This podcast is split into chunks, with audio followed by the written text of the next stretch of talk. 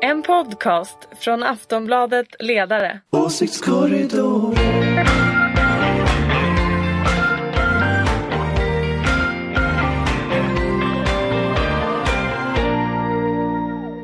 Hej och välkomna till Åsiktskorridoren, en podd från Aftonbladets ledarredaktion. Sportlovet har på sina håll börjat, vaccinationen fortsätter när det bara finns några doser och politikerna verkar få allt mer valfeeling. Ulrika Schenström, du är moderat, chef för den gröna och liberala tankesmedjan Fores och som en ständig, ständigt ankare i Åsiktskorridoren. Ja, hej hej, här är jag idag också. Också. Eh, Lina Stenberg, ledarskribent och socialdemokrat. Ledarskribent Hej, hej. på Aftonbladet ska jag säga så att det är alldeles klart. Och socialdemokrat. Hej hej, kul att vara med. Ja. Och så har vi Anders Lindberg, socialdemokrat och politisk chefredaktör på Aftonbladet. Ja, här är jag. Ja. Själv heter jag Ingvar Persson och arbetar också på Aftonbladets ledarredaktion. Eh, idag ska jag dock vara programledare och så gott jag kan försöka hjälpa till och lotsa både lyssnarna och panelen genom de här frågorna. Jag tänkte vi skulle börja med att Aftonbladet idag skriver att det ligger taktik bakom att bland annat Peter Hultqvist på senare tid attackerat Sverigedemokraterna. Hultqvist pratar ju till exempel om att sminka en gris. Eh, är det här taktik? Och är det i så fall en bra taktik? Lina? Ja, Men det är klart att det är taktik. Jag tänker att det vore jättekonstigt om det bara var så här lössläppta liksom, uttalanden som, som partiföreträdare gjorde i vilket parti som helst. Och det är väl jättetydligt att alltså, S och liksom hela vänstern och delar av liksom mitten också vill, vill liksom syna SD i liksom sömmarna och eh, se igenom deras bluffar för att eh, visa på att det är ett populistiskt parti. Så jag tänker att det är helt givet att man eh, har en strategi kring det här och att det är taktiskt i den märkelsen att man faktiskt gör det medvetet. Ja, men är det bra Ulrika? Jag tror att Socialdemokraterna håller på att leta sig fram till en strategi som fungerar, eller ett sätt. För att om du såg hur Ygeman betedde sig mot Jimmy Åkesson i Agenda för ett par veckor sedan. Och sen och då var han väldigt, eh, ganska dryg och försökte, jag, jag tycker att det, den påminner lite grann om en traditionell socialdemokratisk eh, attityd mot en moderatledare på 90-talet. Nämligen, sätt dit moderatledaren för att um, han alltid måste vara bäst, eller hon alltid vara bäst i klassen. Uh, och säga att ni har, uh, ni har nominerat Trump till no, eh, fredspriset.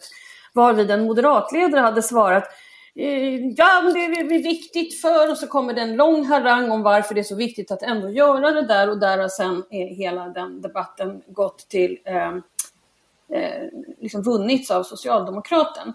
Eh, den funkar ju inte på Sverigedemokraterna eftersom han, det bara glider av honom så att den där dryg, dryg attityden funkar inte på en Sverigedemokrat, den funkar säkert på en moderat. Eh, och sen så har vi då Hultqvist, eller Hultabulta som vi traditionellt har kallat honom i den här podden. Han körde ju då sluggerstilen. Eh, det var en annan attityd. Eh, jag är inte hundra på den heller.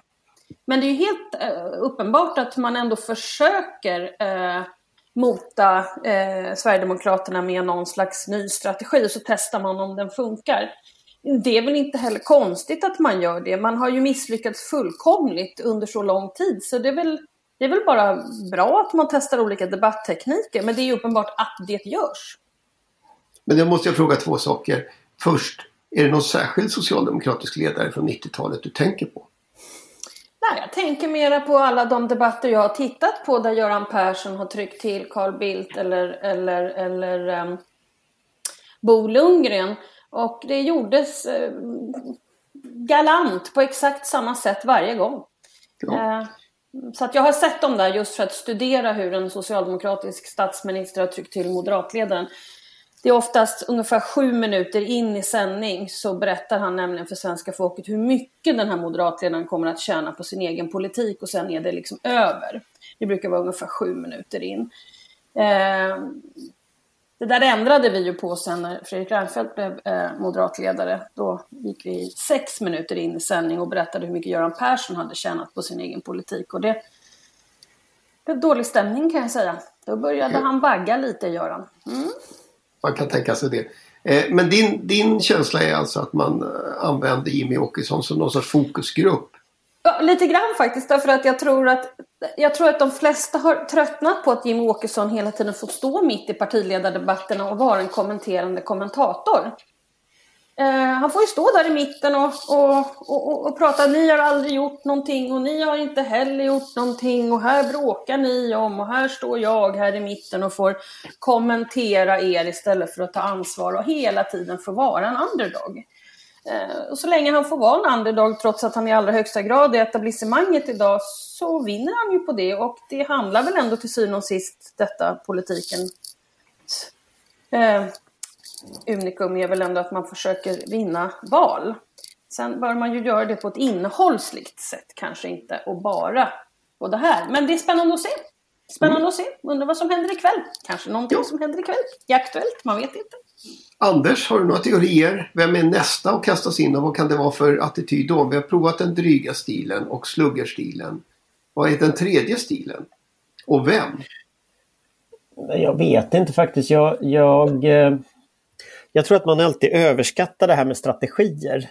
Eh, när folk säger att vi har haft en strategi som säger X, Y, Z, då vet man i regel att, att det har de inte haft utan det har liksom... Ja, det jag har... kan hålla med om det rent historiskt sett. Men just i den här frågan så tror jag faktiskt att det är så att man testar lite olika... Mm, ja, det är jag ganska säker på. Mm. Alltså jag, jag tror att de... Jag, jag skulle gissa, om jag får gissa så skulle jag säga att jag tror att det kommer att funka.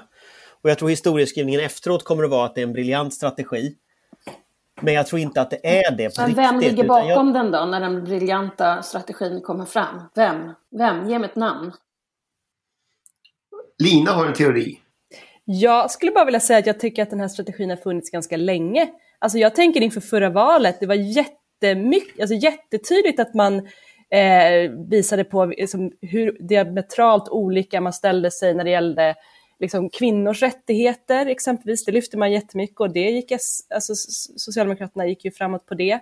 Eh, så jag tycker att, att utmåla SD som en tydlig motståndare, det har man gjort länge och det tänker jag att det inte heller är sådär strategi.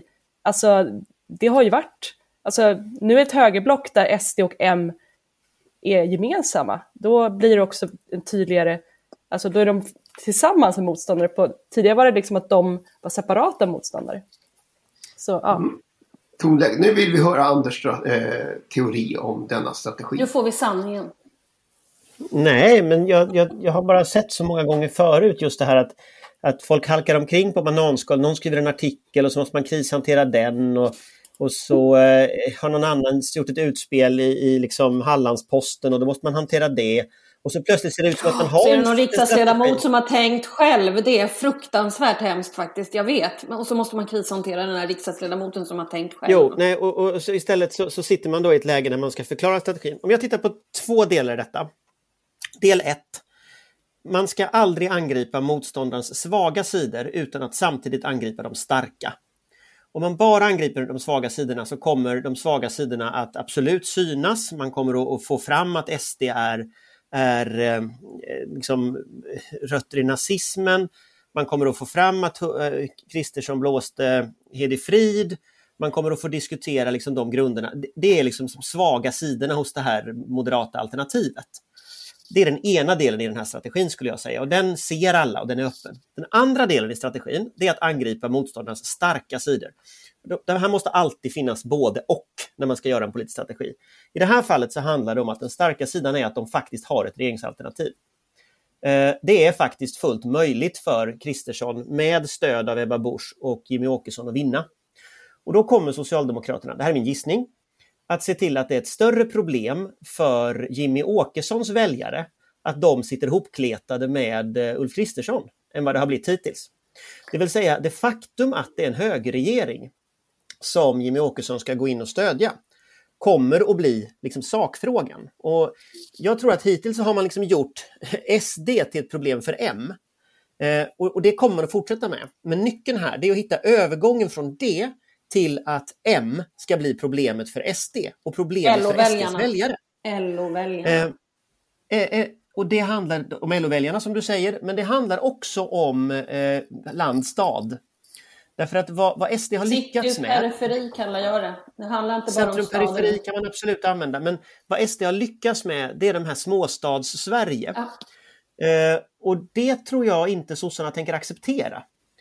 Eftersom småstads-Sverige hatar moderater så har sossarna ett guld, en guldbiljett till att helt enkelt få Åkesson att svara på det. Och vad Ygeman gjorde och vad man också ser parallellt med den här strategin som alla pratar om idag, det är att det börjar hända. Det börjar hända från LOs håll, det börjar hända från S-håll. Eh, och jag tror inte borgerligheten ser detta. Jag tror inte de fattar att liksom, hur stort problemet är för, för Åkessons vanliga väljare. Eh, för de gillar ju inte liksom, vi bara se vilka Moderaterna är och vilken politik Moderaterna har. Så jag tror att båda de sakerna hände just nu. Eh, det ena har uppmärksammats, det andra har det inte så att säga. Mm. Så då finns det en strategi. Så då finns det en strategi. Du vet det här du försökte måla ner alldeles nyss. Helt plötsligt Nej, så bara pang just... fanns det ju. Ja, jag tror Till att det finns en strategi. Men jag tror inte det är den strategin som folk pratar om. Men det är jag, absolut, men det, det är fortfarande Nej, men Jag tror inte strategin är att säga att Åkesson är läppsticks på en gris. Liksom. Alltså, det, det är typiskt Peter Hultqvist som tycker det som skrivglädjen så att säga går före tanken och sen så blir det den typen av, av, av utspel om vi ska komma ihåg det så var det faktiskt så att Barack Obama lyckades ju hamna i exakt samma trassel med eh, Sarah Palin när han sa lipstick on a pig. Fick exakt samma debatt som Hultqvist fick nu. Eh, så jag tror att nej, det där är skrivglädje, det där är inte strategiskt. Och jag det känns faktiskt att nästan Morgan som du kan vara med i den här arbetsgruppen faktiskt. Det, liksom, det, bara känns så, som du är det. Jag tycker den är, är smart. Jag tycker den är bra. Mm. Nej, men jag är inte det. Men däremot så är jag lite frustrerad över att sossarna ett tag hade en annan strategi som var att de skulle liksom släppa, tvätta över de här konflikterna med SD. Ni vet Vidar Andersson-strategin kan vi kalla den helt hypotetiskt. Uh, den finns ju också. Den snurrar ju runt i S. Den fanns i Tiden, den fanns i uh, vissa sådana ställen. Den var jag väldigt irriterad på när den var, för den tror jag leder till soporna liksom direkt. Men jag ska säga att den här Peter Hultqvist-strategin, om man nu ska säga det, jag tror att bara med tanke på hur många sossar som blev så himla glada att det äntligen var någon som ställde sig upp och sa de där orden, det tror jag inte man ska underskatta. Så att internt i någon slags mobilisering för att känna att jo då, SD är visst motståndarna. Det är, det är vår gemensamma liksom, fiende här och man får säga sådana här saker. Det tror jag var jätteviktigt. Men socialdemokrater blir väl alltid glada när de hör Peter Hultqvist eftersom han påminner om ett framgångsrikt århundrade. Ja, det, det blir man verkligen. 1800-talet. kanske, kanske 1900-talet ändå. Vad skönt! Jag känner mig alldeles förvirrad faktiskt. Ja. Men alltså Anders, jag, jag har faktiskt hört en, en, en eh, så här opinionsmätning om att det där inte riktigt stämmer, att SD-väljare de blir SD-are, alltså när de kommer till SD från andra håll, så blir de, de, de går dit på grund av liksom invandringsfrågan ofta. Men sen byter de ofta hållning när det gäller den ekonomiska politiken, allt eftersom. Så det kan ju liksom lite grann tala emot det här, att, eh, att de ändå skulle liksom vara avskräckta av SDs politik. Nej men det kan det och det där är ju, det där är ju en teori som jag har hört många borgerliga och även den här liksom mera kan man säga tannsossar kör ju det där mycket i, i, i S, liksom, de som vill att man ska luckra upp liksom det här och man ska inte vara så taskig mot SD hela tiden och så. Eh, de säger ungefär det där och så brukar de lägga till en sak också, det är att de säger att de här galtanfrågorna blir viktigare än höger-vänster-frågorna. Så att liksom konflikten på något sätt flyttas till en annan led. Eh, och, och, det där ligger ju en del i det. Det har vi ju sett till exempel varför Trump vann i, i, i, eh, i eh, flera delstater i USA eller varför SD trots allt får hem LO-väljare. Så det, det, finns ju en sanning i det också. Liksom så. så jag tror inte det finns en sanning här, utan det finns flera sanningar parallellt. Eh, eh, jag intervjuade Benjamin Dosa från Timbro i förra veckan och han var ju väldigt rädd för just arbetskraftsinvandringen eh, som fråga. Därför att Moderaterna hade liksom en liberal arbetskraftsinvandring och han såg att det var liksom det som S och LO skulle utnyttja för att på något sätt sätta Moderaterna på, på kontrakurs med just den där gruppen väljare. Och så tror jag väldigt många i S också tänker. Så det är också en strategi. Jag tror han har helt rätt i den rädslan, för jag tror det är precis det som kommer att hända. Men, men så, så, så, han, den, den strategin, den tanken finns ju samtidigt. Så jag tror det är flera lager här. Jag tror, inte, jag tror inte vi vet riktigt vad S valrörelse blir. faktiskt. Det är ju tur det, för då kan vi fortsätta att göra åsiktskorridorer. Eh, vecka ut och vecka in. Vecka ut och vecka in. Eh, så, jag tänkte faktiskt att vi skulle gå vidare. Får jag säga en sak bara? Ja. Jag tycker var intressant i Aftonbladets artikel, för den sa så här att, att det som utlöste alltihop var stormningen av Kapitolium. Och det där tycker jag är en intressant grej. Liksom. Hur mycket förändrar händelser människors förståelse av, av politiken? Alltså, eh, det är ändå en händelse i Amerika, liksom. det är jättelångt bort. Men hur mycket förändrar det synen på SD? Det vet inte jag. Jag vet inte om någon vet det riktigt. Eh, men det var ju liksom SDs partivänner på något sätt som stormade Kapitolium, amerikanska partivänner. Samtidigt så har ju till exempel SDs kompisar i Ungern, det har inte påverkat svensk debatt särskilt mycket. Så det kanske är så att liksom just det, att det händer i USA, det, eftersom vi är så oerhört besatta av USA, så, så det påverkar, för första gången så påverkar det kanske något av vad liksom deras kompisar overseas gör. Vi får se. Det, det var direktsändning i svensk TV. Det kan ju också bidra. Ja.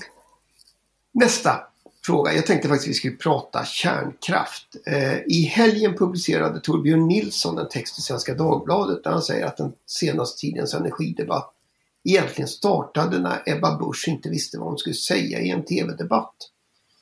Eh, då började hon prata om kärnkraft nämligen. De skulle prata om eh, eh bränderna här när det brann i Sverige. Och Moderaterna upptäckte att väljarna ville prata om den saken. Eh, och på den vägen är det.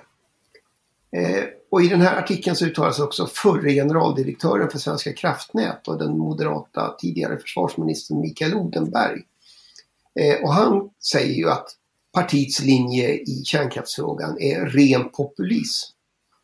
Ulrika, du känner ju Mikael. Eh, har han rätt? Alltså jag har försökt reda ut det här nu för alla är arga nu vet du. Nu är alla arga. ja, och man kan väl säga att alla har rätt och alla har fel men sakligt sett så har nog Mikael rätt. Eh, så.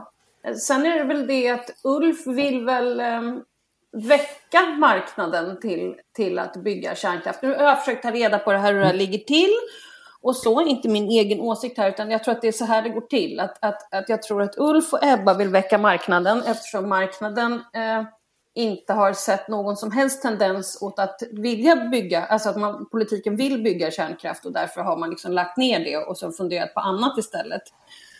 Och så vill väl Ulf, Ulf väck, väcka det där. Men, men eh, ja, så att jag har ringt till flera både oberoende för att jag tycker att det här är så spännande eftersom alla är väldigt arga i den här frågan just nu. Och att Mikael skrev på Facebook så det blev ett sånt oerhört hål. Så att jag har faktiskt ringt till några som faktiskt kan energifrågor, vilket inte jag är en jätteexpert på. Eh, som hävdar att Micke har rätt i sakfrågan. Sen kan man ju vilja ändra sakfrågan och, och då är det något annat. Så att där, then I rest my case. Så. Men, men, men eh, de, dina källor tycker inte att det är populism utan han har möjligen rätt i sakfrågan men inte när han bedömer varför man driver det här. Nej, alltså mina experter menar att man kan ju vilja att världen ser annorlunda ut. Mm. Och då säger Mikael, men marknaden kommer ju inte vilja köpa eller bygga nytt. Ja, och sen kan de hålla på och tjafsa om det där hur länge som helst. Eh, men jag lägger mig för, jag brukar nästan alltid ta, ta ställning, men just den här, jag lägger mig där i mitten. Så. Men kan det inte vara så att Mikael Odenberg... Jag sladdar in där i mitten. Mikael Odenberg är Moderaternas motsvarighet till Peter Hultqvist liksom? Tänk dig de två. Kan du tänka dig de två i en debatt? Det måste ju vara, kan vi inte bara utlysa en... Kan vi inte bara få de två i sanningstid samtidigt? Alltså det skulle ju vara folkstorm av lycka. De, de, de är, det, är faktiskt ett programuppslag. Alltså, det är faktiskt program. Nej, men alltså, de, de, de, är ju lite sådär att de far iväg och säger radikala saker och sådär. Men de har ju ofta, de har ju ofta rätt. Alltså oftast är det ju sant Alltså jag kommer ihåg han skulle kri- alltså Mikael Odenberg skulle krishantera när han var Svenska kraftnät. Då hade han klätt ut sig till Darth, Darth Vader. Vader, ja, den är helt underbar. Har ni läst den? Expressen gjorde en jättelång intervju. Och du vet, när jag läste den så jag, jag grät av skratt i typ en timme. Alltså den är helt magisk. Och ni lyssnare, gå in på Expressen, slå Darth Vader och Mikael Odenberg och läs den här intervjun. Alltså den är helt fantastisk. Men, men det är också så att det, han, han berättar ju alltihopa innan på sin Facebook också. Så det blev så här, nästan pingpongmatch mellan honom och Expressen för hur han skulle hantera och han hade klätt ut sig till Darth Vader och det var typ världshistoriens dyraste Tillställning. tillställning alltihopa. Så. Och han trasslar sig ur det liksom. Ja, ja, ja. Mycket vacker liksom, urtrassling. Man måste beundra... Mycket, alltså det är stilpoäng på beundra den intervjun. hantverk, liksom. Riktig stilpoäng. Alltså, och inte Ja. bara en stilpoäng, utan det är flera. Det är liksom... Ja. Nej men det tyder väl på att han kommer att ta, ta hem det här spelet också på något sätt. Alltså, för, för jag tänker så här att i sak, när man tittar på kärnkraftsfrågan, så är det ju marknaden vill ju inte ha den därför att du i praktiken, eller du, du skulle i praktiken behöva statliga garantier för elpriset.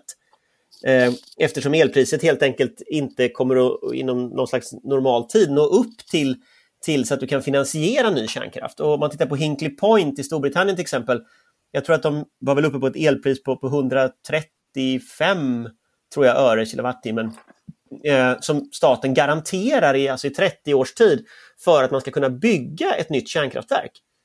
Det, det, det, det, vad heter det finska kärnkraftverket, den nya, tredje nya reaktorn, den började byggas eh, den är 12 år försenad nu och ligger på 80, ungefär lite drygt 90 miljarder kronor. Så det är världens tredje dyraste byggnad. Det slår till och med Nya Karolinska. Liksom.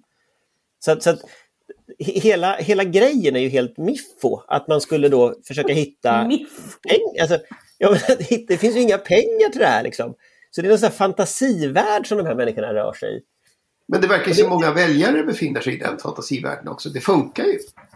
Men jag tror att det, Gör det verkligen det? Ja, men som det står i den här artikeln, jag tycker att det var väldigt bra beskrivet. För att, alltså, man bygger på, på väljarnas okunskap i den här frågan och kanske också delvis ointresse. Alltså någonting som låter så tråkigt och torrt. Och så säger liksom, den ena partiledaren att jo men det är bara att göra det här. Alltså ja, det är väl populistiskt kan man väl säga. Alltså när man, när man liksom då som en sorts fantasivärld pekar fram att det, det här är den bästa lösningen. Men utesluter i den meningen i en fantasivärld utan säger liksom att det funkar bara nu, vi kör igång nu så, så kommer allt bli bra. Liksom. Men, men Eh. finns, det- det finns ju ingen fråga i svensk politik som har diskuterats lika ingående eller lika djupt eller där väljarna har lika mycket åsikter. Jag vet när man skriver om det här så får man eh, oändliga rader utav eh, tekniska förslag och, och synpunkter och uppfattningar om olika reaktorer hit och dit och, och allt möjligt sånt där.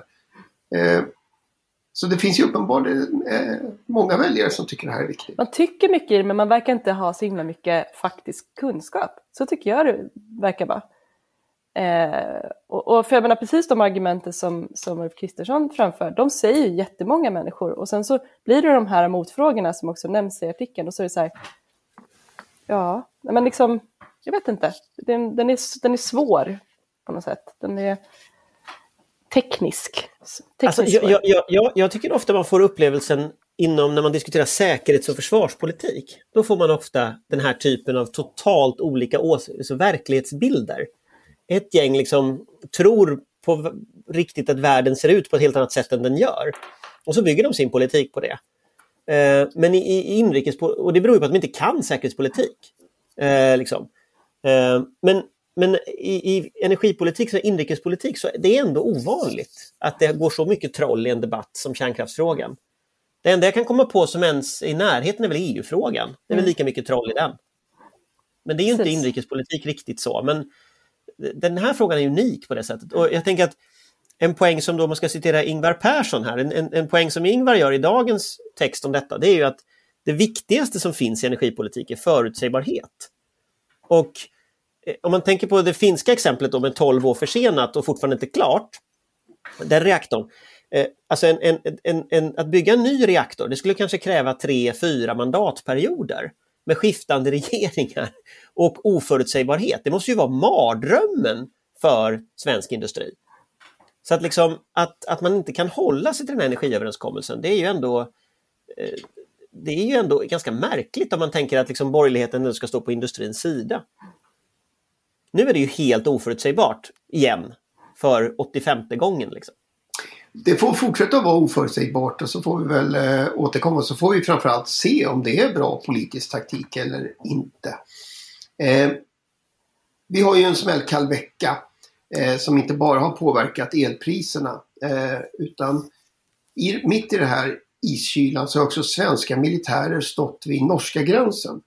Men nu har de dragit sig tillbaka. Är allt frid och fröjd nu, Anders? Du brukar ju gilla militärer. Jag tycker inte Försvarsmakten ska användas till sånt där. Förlåt, men liksom det, det är någon sån här... Eh, vi hade ju tidigare beredskapspolis i Sverige. Den avvecklades ju eh, för, för 2012 eller något, 2013, någonstans där, 2012 tror jag. Eh, och, och, det var ju poliser, fast de var ju egentligen militärer, snabbutbildade, man hade polisuniform, man hade vissa befogenheter på sig. Fast det stod beredskapspolis på dem. Det skulle man ju aldrig lagt ner. Det är ju typiskt sån resurs man behöver för att ha liksom, stå och vakta en skylt ute i skogen. Eh, Försvarsmakten har ju så ohyggligt mycket viktigare och helt andra uppgifter än att vakta norska gränsen. Eh, så jag, jag, tycker ju att hela den grejen var jättekonstig från början. Och först så sa de ju att det skulle vara logistik och sånt. Men sen fick man ändå se bilder på soldater som stod vid gränsen där. Eh, jag tycker det är helt idiotiskt att använda Försvarsmakten på det sättet. Den har bättre saker för sig. Men var inte, var inte syftet just att få de bilderna? Vi har ju ingen gräns mot Norge på riktigt. Alltså, alla som har knallat omkring där uppe i fjällen eller längs den här gränsen vet ju att det är myriad av småvägar och folk åker dessutom skoter där uppe så att, så att du behöver inte några vägar. Så att, nej, jag vet inte. Jag tycker liksom hela grejen blir, det blir jag håller med om det där att det är de symbolpolitik. Stora, liksom. Ut, alltså det är E18, de står vid gränsen till E18 men det finns ju som Anders säger um, massor med småvägar som de kan åka in på och, och gå på Systembolaget när de stänger det i Norge. Så att du vet, Ja, jag tillbringar ju ganska mycket tid där vid den norska gränsen fast i de värmländska skogarna. Så jag vet, jag vet, du vet hur de det går till? Jag vet hur det går till. Du, tror, du litar inte på norskarna helt enkelt? Ja, absolut. Men ska man ställa sig vid gränsen då får man nog ställa sig vid lite fler vägar än bara E18 eller andra övergångar. Men man får väl sätta upp en skylt liksom? Och jag menar, en... Eh, alltså frakt och, och, och långtradare och de kommer ju igenom i alla fall.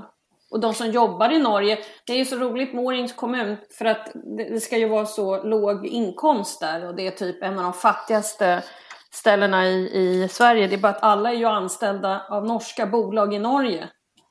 Det, det är inte särskilt mycket fattigdom direkt. Det är inget elände på det De skattar ju inte här utan de tjänar ju ja. norska pengar. Men, Men sen är det väl också problemet är väl att det är för mycket gränser i Norden just nu. Alltså vi borde, vi borde inte, alltså själva symbolpolitiken som ligger under det här med att vi stänger Öresundsbron och vi sätter upp liksom vägbommar mot Norge och det var galler uppe i Haparanda och sånt. Alltså, det är ju, det, vi ska inte ha gränser i Norden, det här är inget bra alltså symbolpolitiken är inte, även om det inte på riktigt är någon gräns mot Norge, så det är, inte, det är, liksom, det är dålig symbolpolitik att skicka soldater till norska gränsen. Liksom. Tycker man borde fokusera mer på att öppna gränserna. Men, men är det där payback för att norskarna har stängt ute svenskar? Jag vet inte, det är kanske är någon sån larvnivå, jag vet inte. Men de borde sluta med det i alla fall.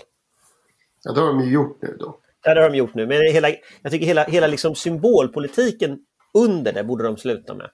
Det är liksom inte och Norge kanske har lyckats mycket bättre än oss och så är vi lite avundsjuka på det eller något. Jag vet inte vad det här beror på. Men eh, kanske är det. Jag tycker det ändå är obegripligt. Norden hänger ihop liksom. Man ska inte ha massa gränser i Norden. Så det får faktiskt bli sista eh, proklamationen från veckans åsiktskorridor. Eh, vi kommer ju tillbaka förstås och fortsätter att sätta fingret rakt på den svenska politikens ömma punkter.